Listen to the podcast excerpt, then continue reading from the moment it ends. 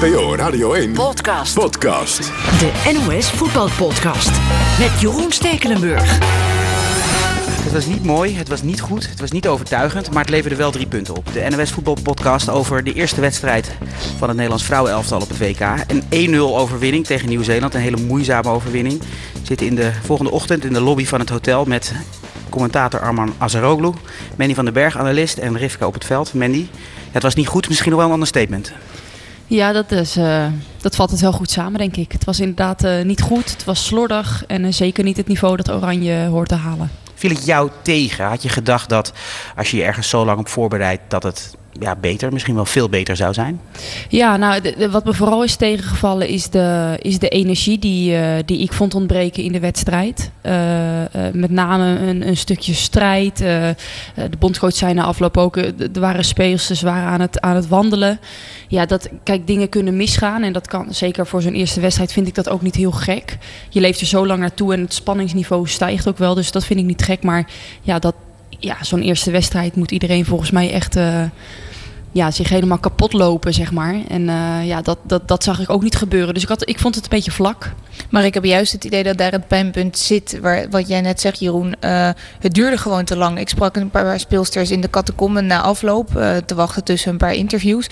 En die zeiden ook, het was zo'n lange aanloop. Ik denk dat ze gewoon echt een beetje lam geslagen waren van de spanning. En dat het in hun benen is gaan zitten of in hun hoofd. Maar ik denk dat daar precies het, eh, het, het pijnpunt zit. Ze zijn dat niet gewend. Ze hebben drie weken in Zeist al, tenminste een deel van de groep was al drie weken samen in Zeist. Ehm, een week van tevoren hier naartoe gekomen. Is dat dan te lang? Nou ja, je kunt het ook niet echt op een andere manier oplossen, denk ik. Eh, Omdat het ze is al gewoon... vroeg klaar waren met de competitie. Ja, en eh, omdat je nu eenmaal zo laat in het toernooi zit, misschien is de enige oplossing om dan later naar Frankrijk te gaan. Maar of dat dan heel veel oplost, weet ik ook niet hoor. Dan zit je in Nederland, zit je naar de openingswedstrijd te kijken, dan gaat het ook kriebelen, lijkt mij. Ja. Maar is de stemming niet wat, wat, wat, wat te negatief? Ik wou net zeggen, Want- observeren we nu te dit is- veel, want er zijn drie ja, punten. Dit is, dit is gewoon een, dit is een eerste toernooiwedstrijd. En die, die, die gaan vaak zo, hè. die zijn vaak slecht. Die moet je dan winnen. Je moet, geen, je moet niks laten liggen. En ze winnen hem. En er zijn ook echt positieve punten aan te wijzen. Namelijk dat de wissels goed uitpakten. Dat is belangrijk in een toernooi. Met het oog op ook een verder vervolg. Uh, Roord maakt hem. Die zit tegen het basisteam aan. Dat is gewoon heel lekker voor een selectie dat dat werkt. Ook een belangrijke rol voor een andere invalster bij de goal Berenstein. Van Dongen geeft de paas. Dat is ook lekker voor een coach. En je moet ook in het toernooi groeien. Ja, je kan wel eens Amerika met 13-0 winnen in de eerste wedstrijd. Maar het is wel lekker als je een beetje op gang moet komen. Dat, is helemaal niet zo slecht. Ik had gisteren iemand aan de telefoon die zei tegen mij: de wereldkampioen begint nooit fantastisch aan het, eh, aan het toernooi. Die groeit er altijd in. Is dat, is dat eigenlijk een beetje wat jij. Bijvoorbeeld uh, naar het WK naar, waar Frankrijk won, begon ook helemaal niet zo goed, maar kwam er wel in en bleef beter eh, spelen, won het toernooi uiteindelijk. Dus ik vind dat helemaal niet zo gek. Kijk, in, bij dit toernooi gaan we nu kijken naar favorieten. Wij gaan nu Frankrijk als favoriet bestempelen vanwege een goede wedstrijd. Uh, eerste wedstrijd tegen Zuid-Korea. We gaan Amerika als favoriet bestempelen, maar... Vanwege moet... het doelpuntenfestijn. Ja, maar gaan we zo doen. Nog heel even terug naar Nederland. Wat heb jij het interview na afloop gezien, waarin, en um, Rivka haalde het net aan, um, Sarine Wiegman zei dat er gewandeld werd. Ja. Dat vond ik toch wel opmerkelijk. Ja, vond ik ook. Uh, ze had daar wel een punt, maar ze was wel hard voor de selectie. Dat vind ik ook niet slecht, maar ze had wel een punt dat, er, dat, het, dat het er niet echt flitsend uitzag zoals Nederland wel kan spelen. Maar ja, zoals ik al zei, ik vind het helemaal niet zo erg nu nog, een eerste wedstrijd. Je wint hem, betekent dat je bijna in de achtste finale staat. Zijn die vrouwen hard onderling, Mandy? Tegen elkaar? Zeggen die elkaar de waarheid? Nou, ik, ik vraag me af of dat nu, uh, of dat ja, dat zal wel wat meer zijn geworden, denk ik, in, in de professionalisering. Maar ja, ik denk dat het, dat het nog wel iets meer kan. Maar uh, er wordt vanuit, vanuit de coachingstaf wel, uh, wel op die manier, zeg maar, uh, heel direct met de spelers gesproken. Dus, dus dat zal er niet aan ontbreken. Maar vind jij dat toen jij deel uitmaakte van, van dat elftal, dat het te weinig gebeurde? Dat, dat, dat jullie te lief waren voor elkaar? Ja, veel meiden wel. Ja, Jij er waren. Nee, ja, ik had daar niet zoveel moeite mee. En er waren er nog een aantal. Maar goed, dan heb je het echt over, over vier, vijf speelsters. En ja, de rest die, uh, ja, die, die, die ja, zullen niet zo heel erg direct zijn naar, naar anderen toe. Dus dat, dat ontbrak toen. Dus maar wat ik zeg, we zijn nu natuurlijk twee jaar verder. Dus wellicht is dat, uh, dat veranderd. Um, maar goed, dat, ja, ik vind het wel terecht dat, dat de bondscoach in die zin hard was. Want het is volgens mij terechte, uh, terechte opmerking. Um, en ik, ja, ik ben het ook zeker eens dat, dat we niet, in die zin niet al te kritisch moeten zijn. Want we hebben wel gewoon gewonnen.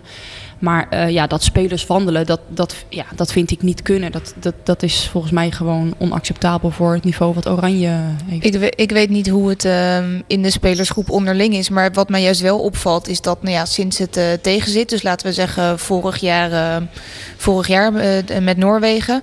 Eh, dat iedereen juist wel ook heel hard, of in ieder geval heel eerlijk is in de media. Het valt mij juist Noorwegen op. is de laatste kwalificatiewedstrijd die ze verloren. Eh, Zo plaatsten ze zich Ja. niet voor het WK en moesten ze een play-off gaan spelen. Ja, eh, toen moesten ze play-offs gaan spelen. WK bijna misgelopen. En het valt mij juist heel erg op dat ik iedereen heel erg eerlijk vind altijd. Ik vind dat je bij veel andere sporten nog wel eens hebt...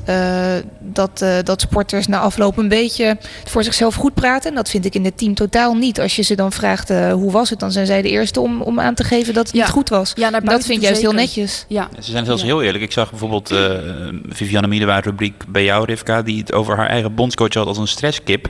Toen dacht ik af en toe van, nou, dat, dat, Ja, dat was in een filmpje op internet. Ja, op dat- internet daarmee op de YouTube-serie. eigenlijk je eigen Was het Rivka Tackled of was Dit was was een het blik op gooien? oranje. Nou, dat wil ik dan toch nog wel even, Dat hè, want, want dat is natuurlijk ehm, het- deze groep, deze spelersgroep, die is de afgelopen maand niet weg te slaan geweest uit, uit welke reclamespot of welk tv of internet-item dan ook. Die hebben, hebben een heel goed en vrolijk en leuk imago. En nu lijkt het er toch op dat er onderling in die groep wel iets staat te gebeuren. Misschien dat er wel speelsters gepasseerd gaan worden, dat er, dat er anderen voor in de plaats gaan komen. Hoe, hoe, hoe, hoe gaat deze groep er dan mee om? Want dan is het al opeens allemaal niet zo leuk en lief meer. Nou ja, dat is natuurlijk de grote vraag. En dat is volgens mij ook precies wat het heel interessant maakt voor ons als journalisten. Want wat gaat er zo meteen gebeuren? Stel je voor dat eh, Jill Roord de volgende wedstrijd weer niet start, maar weer scoort. Eh, zit ze dan die derde groepswedstrijd nog steeds zo rustig op de bank? Hetzelfde geldt, nou ja, nu speelde Vivianne Miedema een geweldige eerste wedstrijd. Eh, maar in de play-off rondes hebben we ook gezien dat zij niet speelde of niet goed speelde. En dat Linette Berenstein het geweldig deed. Ja, dat is natuurlijk wanneer het interessant wordt. Is het dan nog steeds zo'n hecht team? Dat is van deze- Van der Zanden zagen we ook. Hè. Die was ook niet, eh, niet heel tevreden met die wissel. Dus dat, ja, dat gaat nu wel spelen. Maar is deze groep daar klaar voor, Mandy, denk je, om, om op die manier benaderd te worden? De, de, is natuurlijk, dat gaat toch anders bij de vrouwen dan bij de mannen. Sepsport maakt hier een programma, er is een andere groep geïnteresseerden. Ehm, als, het, als het die kant op gaat, denk je dat, dat, dat, dat, het dan nog, dat er dan nog die homogeniteit is die we nu zien? Nou ja, laten we het vooral hopen. Maar dat is wel interessant wat, wat Rivka ook, ook zegt. Want ja, eh, zolang de dingen natuurlijk goed gaan.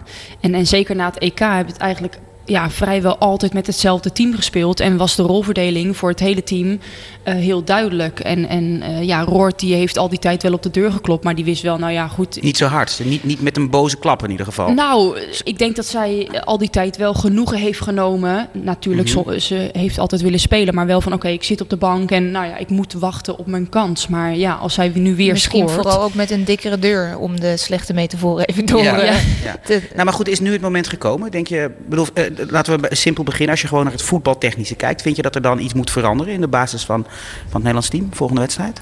Nou, gezien de eerste wedstrijd eh, vind, ik, vind ik van wel. Ehm, maar goed, het, het is wel lastig om aan te geven waar die wisseling dan moet plaatsvinden. Want ja, ik vond het op, op bijna alle posities niet goed genoeg. Nou, Dus bijvoorbeeld wat- op linksback, toen Van Dongen kwam, ging het wel iets beter. Ja, ik Voorzet kwam van links. ja, ja, ik vond, ja, en ik vind sowieso iemand met een linkerbeen in je opbouw. Dat is wel een vind voordeel, ik, eh, vind Nou, als ik je naar die goal kijkt, dan zie je dat, dat zeker als, eh, als je een doelpunt moet maken, de laatste kwartier, dan kun je die bal er nog eens ingooien. Ja, waar het ook die, was- die goal ja, uitvalt. Het ging echt makkelijker op dat moment. Ze viel heel goed in, dus dat zou een overweging kunnen zijn. Ik ben ook benieuwd wat er gebeurt met, eh, met Anouk Dekker, die terugkeert naar die schorsing. Bladwoord speelde niet een hele goede wedstrijd. Oogde wat kwetsbaar in de eerste helft met name. Dat zou ook een mogelijke wissel kunnen zijn.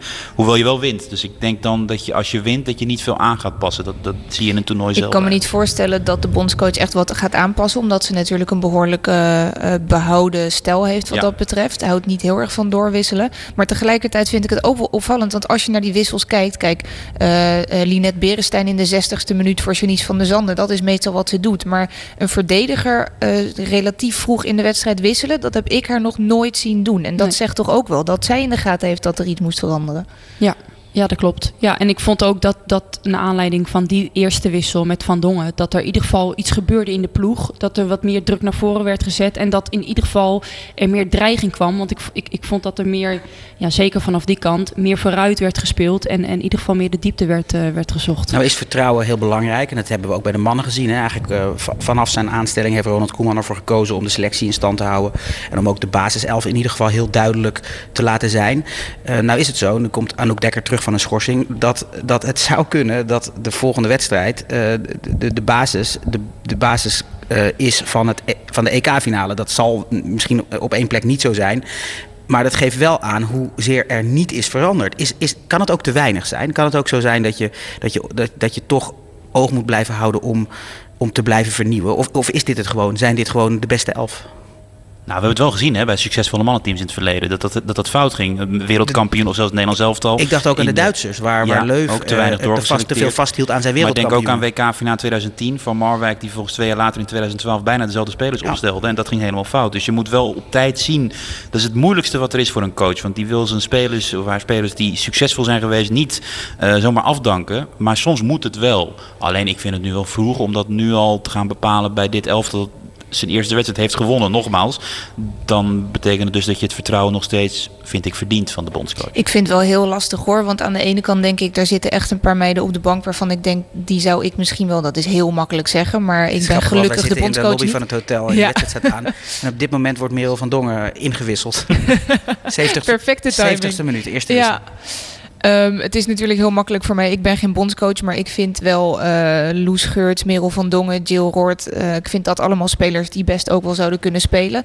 Tegelijkertijd, iedereen zegt nu waarom wisselt ze niet door? Waarom is het hetzelfde elftal? Ze zijn zo jong. Vivianne Miedema is 22. Dat is bijna niet voor te stellen met alles wat ze al heeft gedaan. Maar ja, moet je doorwisselen als er... Er zitten twee dertigers in het team. Dat zijn Anouk Dekker en Loes Geurts. Verder is de oudste geloof ik 28. Ja, moet je dan doorwisselen als het zo'n jonge ploeg is? Ja. Ik vond het wel mooi voor Miedema gisteren. Die vorige twee toernooien begon ze nooit echt lekker. Het alle druk lag op haar toen. De WK in Canada, toen was ze 18. Twee jaar geleden in Nederland was ze 20. En telkens kwam ze niet echt lekker aan dat toernooi. In Nederland ging het dan beter naarmate het toernooi vorderde. Maar nu stond ze er gelijk en speelde ze een fantastische wedstrijd. Ze had ook wat meer vrijheid en ze draaide makkelijk weg. Ze mooie bewegingen. Jammer dat ze die goal dan niet kon maken. Maar ik vond het echt heel goed de beste bij Nederland. Ja, want we gaan nu langzaam naar de ehm, goede punten van gisteren. Dat lijkt me namelijk wel heel erg belangrijk. Als je een spits in vorm hebt, dan kun je ook nog eens een keer wat repareren. En dan kun je ook een wedstrijd waar het niet zo goed in gaat, kun je ook gewoon winnen. Is dat het allergrootste winstpunt van gisteren? De, de, ja, het optreden van Vivianne Miedema? Ja, dat denk ik wel. Zeker als je kijkt naar vier jaar geleden op het WK en hoe zij zi- zich nu eh, heeft eh, gemanifesteerd in de eerste wedstrijd. Dan eh, vind ik zeker dat als Miedema ja, zo heeft gespeeld als gisteren, dat dat eh, goede hoop en ook rust geeft voor het team voor, eh, voor het verloop. Vind Ja. jij dat ze nu anders speelt dan in 2015, 2017? Dat ze een andere rol heeft of niet? Ja, ik vind dat ze gedisciplineerder eh, oogt. Dat ze, ik bedoel, we kennen allemaal Miedema, dus die, die heeft momenten in de wedstrijd waarin eh, het nog steeds lijkt alsof ze eh, heel afwezig is. Maar ehm, ja, volgens mij eh, zijn dat de gevaarlijkste spitsen. spitsen. Ik bedoel, ehm, Messi eh, kan ook zo spelen, maar we weten allemaal wat die eh, achter zijn naam heeft. Dus ehm, ik, vind dat ze, ik vind dat het grootste verschil. En ja, de kwaliteit is, is, is toegenomen. Dus, dus ja, de finesse is, is, is nog meer verfijnd en, en haar techniek. En ja, eh, als zij op, op goal schiet, dan, dan, ja, dan heeft zij nooit een afzwaaier. Weet je, dat is, het gaat allemaal eh, eh, ja, ri- richting doel. En dat, er zit wel eens een meter naast of, of gaat richting keeper. Maar ja, er zit kracht bij, er zit overtuiging. En, en dat vind ik een groot verschil ehm, ja, ten opzichte van vier jaar geleden. En ze zit gewoon zo goed in haar vel, hè? dat is het ook. Ja. Je ziet gewoon het verschil. eh, ook buiten de lijnen kan ze best wel stug zijn. In interviews is ze, ik vind het altijd heel leuk om te interviewen, want ze is ook heel eerlijk, maar ze kan ook best wel een beetje stug zijn. En de laatste maanden, ik heb er best wel veel meegemaakt eh, in Zeist bij de KNVB hier in Frankrijk. Ik vind het een totaal andere Miede, maar je ziet op het veld dat ze geniet. Je ziet buiten de lijnen dat ze geniet. Ze is veel relaxter. Tussen de interviews door maakt ze een praatje. Dat is echt nieuw. Ik vond trouwens ook opvallend. eh, ik, ik vroeg haar gisteren na de wedstrijd nog of ze het dan jammer vond dat ze die wedstrijd niet kon bekronen met een doelpunt. Dat het dan Jill Roord was die scoorde. En dat gold eigenlijk voor al die meiden. En dat is nog even om terug te komen op eh, komt er nou gemoor. Ze gunden Jill Roord allemaal zo ongelooflijk. Ik hoefde er eigenlijk niet eens naar te vragen. Ze begonnen allemaal zelf zo leuk voor haar. Zo blij dat er nu die bekroning voor haar Nou is. nou is Miedema ook wel een van de beste vriendinnen van Jill Roord. Klopt, klopt. Maar dan nog is het wel, want het gold ook voor die andere speelsters. Ze begonnen allemaal uit zichzelf over hoe blij ze voor haar waren. Nou, Eh, ook dat is maken, misschien ook weer een goed met die teken. wedstrijd in Zwitserland. Hè, dat natuurlijk heel zuur uitpakte Zeker. voor Roord. Die mocht eindelijk spelen. En toen kreeg Anouk Dekker rood na een paar minuten. En toen werd zij gewisseld. Ja, ik, ik- Want in het heel kort even het verhaal Ja, van Jill dan. Die was er dus vier jaar geleden echt als, ze zei zelf, als baby bij in Canada. Geen minuut gespeeld. Eh, twee jaar geleden EK-selectie eh, zat ze bij. Toen heeft ze wel een aantal keer eh, is ze ingevallen. Altijd maar kloppen op die deur. Een metafoor die net gebruikt werd. En, en toen kwam de playoff wedstrijd inderdaad die Arman net aanhaalde. In Zwitserland stond ze in de basis. Na een paar minuten kreeg Anouk Dekker een rode kaart. En toen werd zij geslachtofferd. Moest zij eruit om een nieuwe centrale verdediger in te brengen. Ze wilde ook niet meer met nummer 12 spelen. Waar ze veel mee gespeeld had, omdat daar de Niges op zat. Ze speelde hier met nummer 19. Nou ja, goed. En gisteren was het moment waar ze, zei ze zelf, vier jaar op heeft gewacht. Ja, dat, dat, uh, en ze zei nog tegen jou dat ze van tevoren al voelde dat dit zo'n wedstrijd zou worden. Dat ze zou gaan scoren of dat ze belangrijk zou zijn. vaak als ze een doelpunt maken, dan hebben ze het voorvoeld bijna. dat zo is het dan wel. Mysterieuze krachten in de sport. Um, het ging over Miedema, dat die uh, geweldig in de vel zit. Topscorer van dit toernooi gaat ze niet meer worden. Want als we het even iets breder trekken, dit toernooi. Alle teams Misschien speelt hebben... Nederland nog tegen Thailand, je weet het niet. Ja, alle teams, nou dat denk ik niet. Want de kans dat Thailand de volgende ronde haalt is niet zo heel erg groot. We refereren aan Verenigde Staten tegen Thailand. De avondwedstrijd van gisteren waar het 13-0 werd. Wat moeten we daarvan denken, Mandy? Ja, dat geeft het verschil weer tussen de wereldtop en... Uh ja, volgens mij een van de, met alle respect, mindere ploegen van dit toernooi. Want is dat het proces, dat zagen we bij het uh, mannenvoetbal ook, begin jaren 70. Is dat gewoon iets wat, wat nu zo is en over één of twee toernooien weg zal zijn, geniveleerd zal zijn? Dat komen ploegen dan gewoon dichter bij elkaar? Is dat ja, wat je normaal gesproken kunt verwachten? Nou, dat zeker. Ploegen komen dichterbij. De, ik bedoel, Amerika is natuurlijk een enorme voorloper. Want daar ligt jaren, jaren uh, voordat uh, Europa daarmee begon, was de sport al, al professioneel. Werd er veel geld in gestoken. Um, dus ja, speelsters konden toen al professioneel de sport beleven. Dat zie je nu ook in Europa gebeuren. En dus gaat dat niveau dichter naar Amerika toe. En waar Amerika voorheen het zowel op voetballend als fysiek vlakken wist te winnen. Ja, komt dat nu allemaal, moeten ze er nu harder aan trekken om, om daar uh, een verschil in te maken. Maar goed, dan, dan blijven er landen tussen zitten die, uh, ja, die echt nog helemaal uh, van nul moeten beginnen. Ik kan me zo voorstellen dat... maar dat, ze hebben zich wel geplaatst.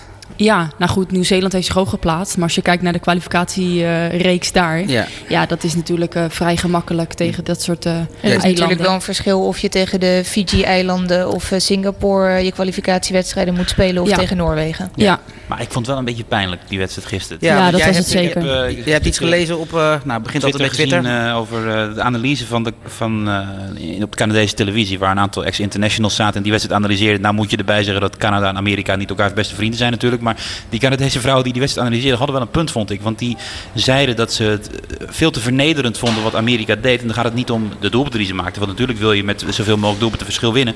Maar met name over hoe die doelpunten gevierd en beleefd werden. Want als je keek naar Alex Morgan, die op een gegeven moment op de vingers van haar hand haar doelpunten ging tellen. Ja, dat, dat, dat is heel gek om dat te doen op een WK. Maar je moet respect hebben voor de tegenstander. En op een gegeven moment deze 1, 2, 3, 4. Je zag vijf, ook, ook vijf hebben ze heeft totaal gemaakt. Je zag ook de andere speelster die volgens mij de 9-0 maakte. Die rennend rondjes rent en op het, op het veld vloog en met de reservebank de goal ging vieren. Ja, dan snap ik niet helemaal waar je mee bezig bent nou ja, als je 9-0 voor staat. Sportief is het natuurlijk niet, maar het is misschien wel tegelijkertijd precies waar het verschil nog ligt tussen Amerika en de rest van de wereld. Namelijk, ik vraag me oprecht af, tuurlijk wil je met zoveel mogelijk doelpunten verschil winnen, ook omdat je die groep wil winnen.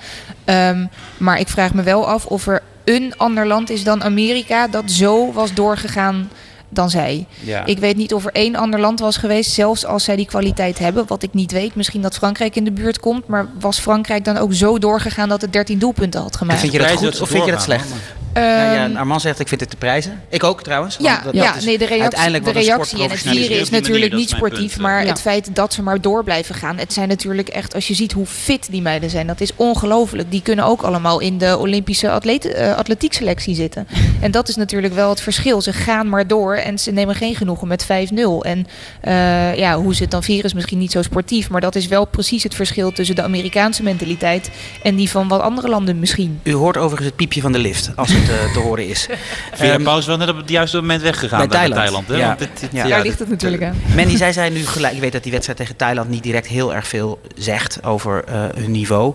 Maar zijn zij ja, topfavoriet? Amerika, dat waren ze misschien voor het toernooi al. Maar ze hebben in ieder geval laten zien dat ze niet in hele slechte vorm naar Frankrijk zijn gekomen. Nee, ja, wat mij betreft zijn zij zeker uh, topfavoriet voor, uh, voor de titel.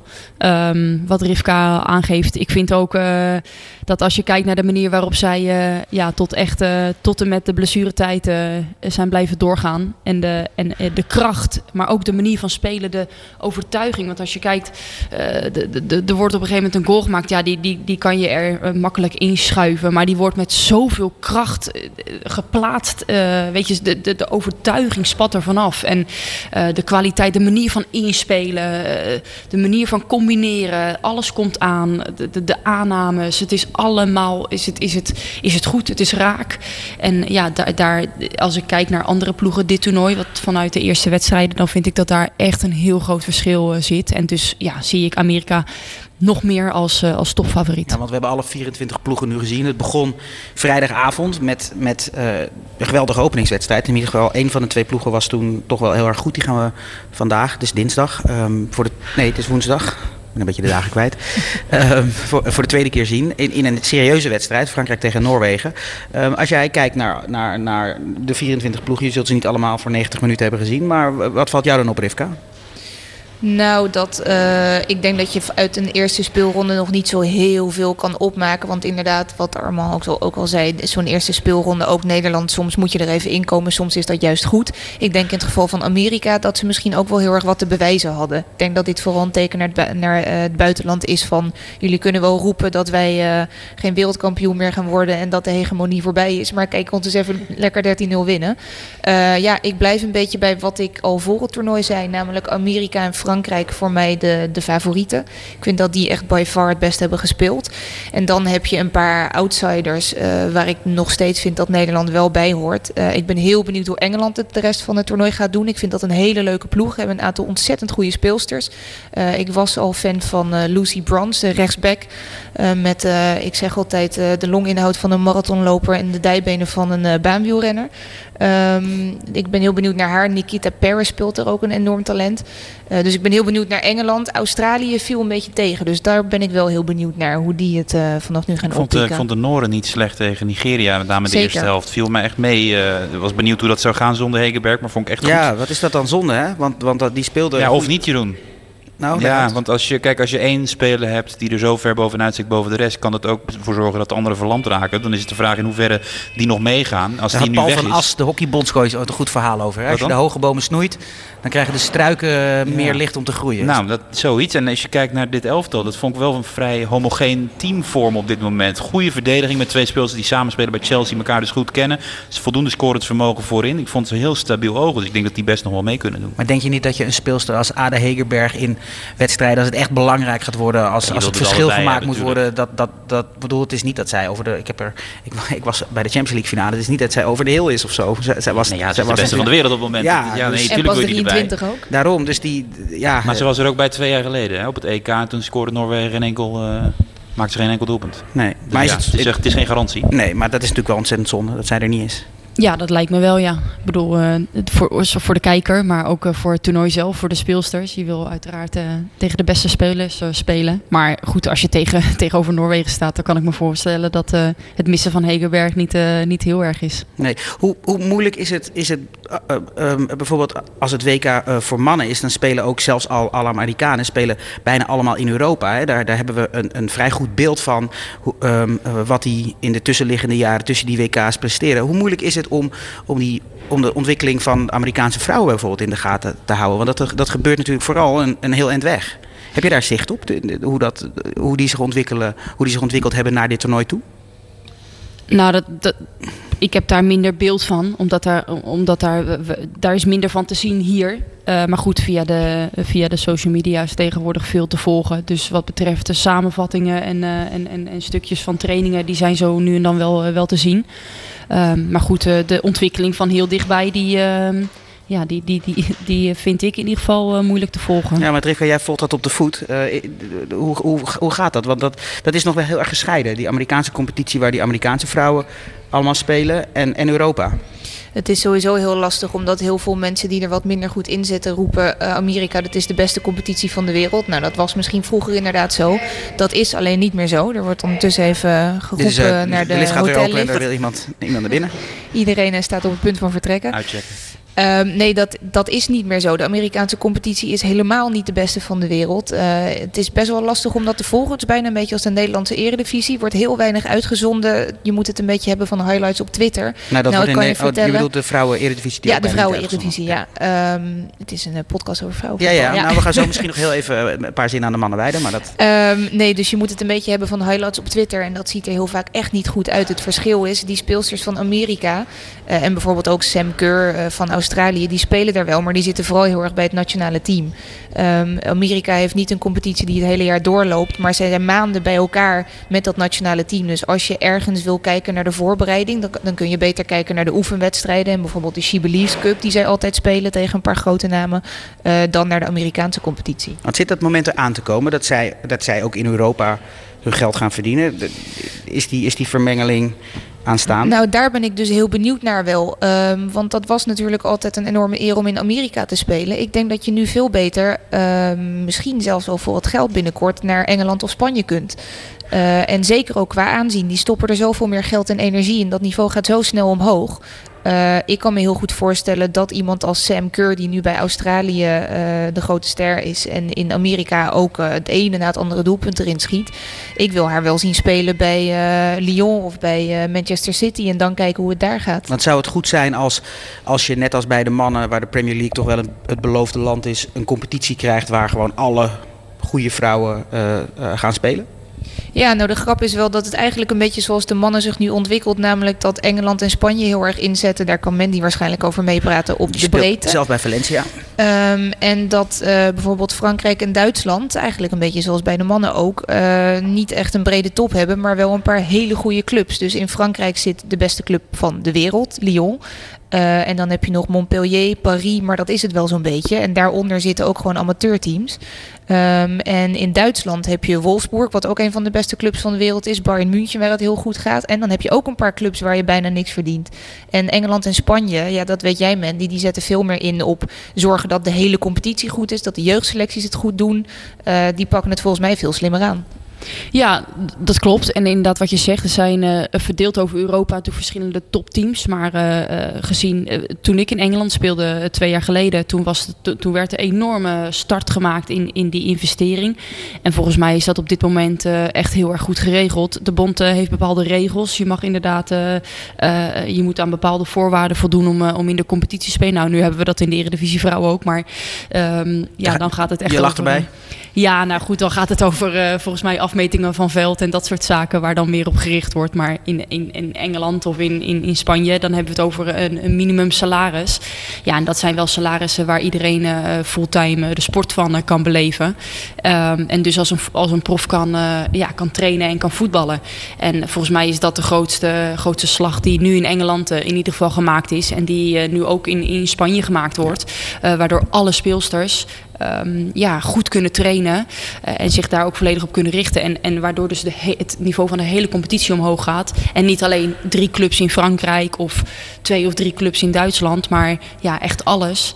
Ja, en dat is, dat is ja, volgens mij blijft, blijft geld toch uh, de, de grootste, ja. Um, ja, de grootste factor om. Uh, nog even hebben over uh, Ik wou net zeggen, dat is een blik op de toekomst. twee zinnen had ik gezegd, misschien even over het mannenvoetbal, want Armand. Ik begin me zorgen te maken hier. Ja, Noord-Ierland heeft gisteren gewonnen. gewonnen. Vier gespeeld, 12 punten. In de laatste minuut.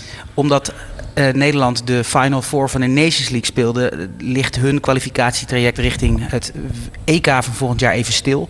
Nederland uh, heeft nu twee gespeeld, drie punten. Uh, hun volgende wedstrijd is uit tegen Duitsland. Dus het zou zomaar kunnen dat uh, als ze die verliezen, dat ze op drie gespeeld drie ja, staan. Het schema is natuurlijk heel gek. Dat ja. komt door die Nations League natuurlijk. Maar het is nu zo dat Noord-Ierland vier wedstrijden heeft gespeeld tegen de twee zwakste landen in die pool. Estland en Wit-Rusland. En Noord-Ierland speelt nu alleen nog maar tegen Nederland en Duitsland. Maar staat wel op 12 punten. De nummer 2 is Duitsland met 9. Nederland heeft er drie. Als Nederland verliest in Hamburg, hebben ze negen punten achterstand op Noord-Ierland. Nou, het wordt in ieder geval En op Duitsland. Ja, dus elke wedstrijd die Nederland nu speelt, daar zit ontzettend veel druk op. En dat is vervelend voetbal. Maar je zei, ik begin me zorgen te Ja. maken, meen je dat? Ja, dat meen ik. Omdat je een, een, een slippertje van Duitsland is zo gemaakt tegen Noord-Ierland. Noord-Ierland kan misschien iets geks doen tegen Nederland. We hebben ook ervaringen met een wedstrijd in Ierland een keer. Uh, hoe heet die? McAteer? Die hem Jason. McAteer. Jason McAteer. Ik zal die naam nooit vergeten. Nederland heeft natuurlijk wel een ontsnappingsroute met een derde plek. Maar ja, misschien is die Nations League helemaal niet zo mooi als we wel allemaal dachten dat die was. Want het gaat toch echt hierom en niet om de Nations League. Nou ja, we wisten natuurlijk een paar maanden geleden dat dit scenario erin zat. En Ja. de grap is natuurlijk dat uiteindelijk heeft iedereen evenveel gespeeld en eh, zou het geen verschil moeten maken. Maar mentaal kan dit natuurlijk wel uh, ja, En ik denk, want Ronald Koeman die begon het tegen jou ook al over... dat het hem ook niet helemaal lekker zit. Het, het, is niet leuk, het is niet prettig. Nou goed, het gaat hier over de vrouwen. Um, die vertrekken vandaag, want uh, ze hebben geen basiskamp. Ze vertrekken vandaag naar uh, Valenciennes... waar zaterdag de tweede wedstrijd tegen Cameroen wordt gespeeld. Is, de, de, de, heel kort, is dat, is dat vervelend of, om geen basiskamp te hebben... om elke keer te moeten verplaatsen? Heeft ook weer met geld te maken overigens. Dat de FIFA dat bij het mannen-WK wel betaalt en bij het vrouwen-WK niet. Nou, ik weet het niet. Ik vind het eerlijk gezegd, ik kan me ook wel voorstellen dat het niet zo erg is. Want als je ziet dat ze al onrustig worden van drie weken Zeist en een week hier, is het misschien juist wel lekker dat je een beetje change of scenery hebt. Valenciennes is nog minder te beleven dan hier, denk ik wel. nog minder. Ja, nee. Het, ik... Je moet wel elke keer je koffer inpakken. Ja, om de dat eerste klopt. wereldproblemen Ja. maar eens te benoemen. Nou ja, ik kan me voorstellen dat het op een gegeven moment onrust gaat creëren. Maar ik, ik denk dat het heel erg van de persoon afhangt. Maar ik kan me ook voorstellen dat er spelers zijn die het juist wel lekker vinden dat je een beetje een nieuwe omgeving hebt om de paar dagen. Ik zou dat persoonlijk, denk ik, als speelster niet heel, eh, heel vervelend vinden. Nee, nee het, lijkt mij juist wel, wel lekker. En zeker ook, weet je, nu met, met... Kijk, natuurlijk houdt iedereen een goed gevoel over aan de wedstrijd. Als in met de drie punten die zijn, zijn behaald. Maar die hele wedstrijd, ja, daar, in, in- ik bedoel, aan de afloop ook de speelsters, de bondscoach. Niemand was daar echt heel tevreden over. Ehm, en ik denk dan juist dat het wel lekker is dat je... eh ja, Dus weg een uit Le beetje, Havre. Ja, weg uit Le Havre. Eh, op naar het volgende. We nemen wel die drie punten mee. Maar eh, nieuwe omgeving, nieuw hotel. En gewoon weer verder met het toernooi. Maar wel een soort van met een ja, iets frissere, eh, frissere start, zeg maar. Want jullie zaten twee jaar geleden met het EK natuurlijk met name in Zeist. Ja. Ik geloof behalve de dag voor de wedstrijd. Ja. Was dat prettig of dacht je op een gegeven moment ik kan die campus niet meer zien? Nou, ik, ik, vond, ik vond dat ook wel wat hebben. Maar wat je zegt, ik denk dat het echt wel afhankelijk is van de persoon. Ehm, het, ja, het, zal echt, eh, het zal echt heel erg verschillen. Maar ik vond juist ehm, de vaste basis vond ik, vond ik prettig. Maar ook omdat het van daaruit allemaal wel goed te bereizen valt. En je hebt natuurlijk ook, eh, je, je, je velden zijn altijd hetzelfde. Je weet dat het goed is. Eh, dezelfde kok, je weet waar je zit. Dus dat is natuurlijk wel altijd heel prettig. Maar wat betreft de omgeving en wat betreft dat soort nieuwe prikkels... is het denk ik wel fijn om af en toe eens te... Zaterdag, makkelijke overwinning? Of zeg ik dat even te, zeg ik dat te makkelijk? Mm, Nee, nou ik denk dat ze in ieder geval een makkelijke overwinning nodig hebben. Dat dat wel moet, want eh, ondertussen zien we op het scherm eh, de 1-0 van Jill Roord. Toch prettig om nog even te zien. ja. Ehm, eh, nee, ik denk dat ze die makkelijke overwinning vooral moeten gaan halen. Want als ze nu weer het lastig krijgen, en dat kan best, want Cameroen is, denk ik, ik heb niet heel veel gezien, niet een heel goed voetballand, maar wel stug en sterk. Eh, daar heeft Oranje soms best wel last, mee, eh, last eh, van. Ehm, maar als het nu niet gewoon 2-3-0 wordt en goed voetbal, dan moet je je wel een beetje zorgen gaan maken. Dus mentaal hebben ze vooral een goede wedstrijd nodig, denk ik. Armand, in twee woorden. Makkelijke overwinning zaterdag? Ja, ik denk het wel. Dat waren er vier. Ik denk het niet. Ik denk niet dat het makkelijk wordt, maar wel uiteindelijk een eh, overwinning voor Oranje. Oké, dank jullie wel. Dit was de NOS Voetbalpodcast.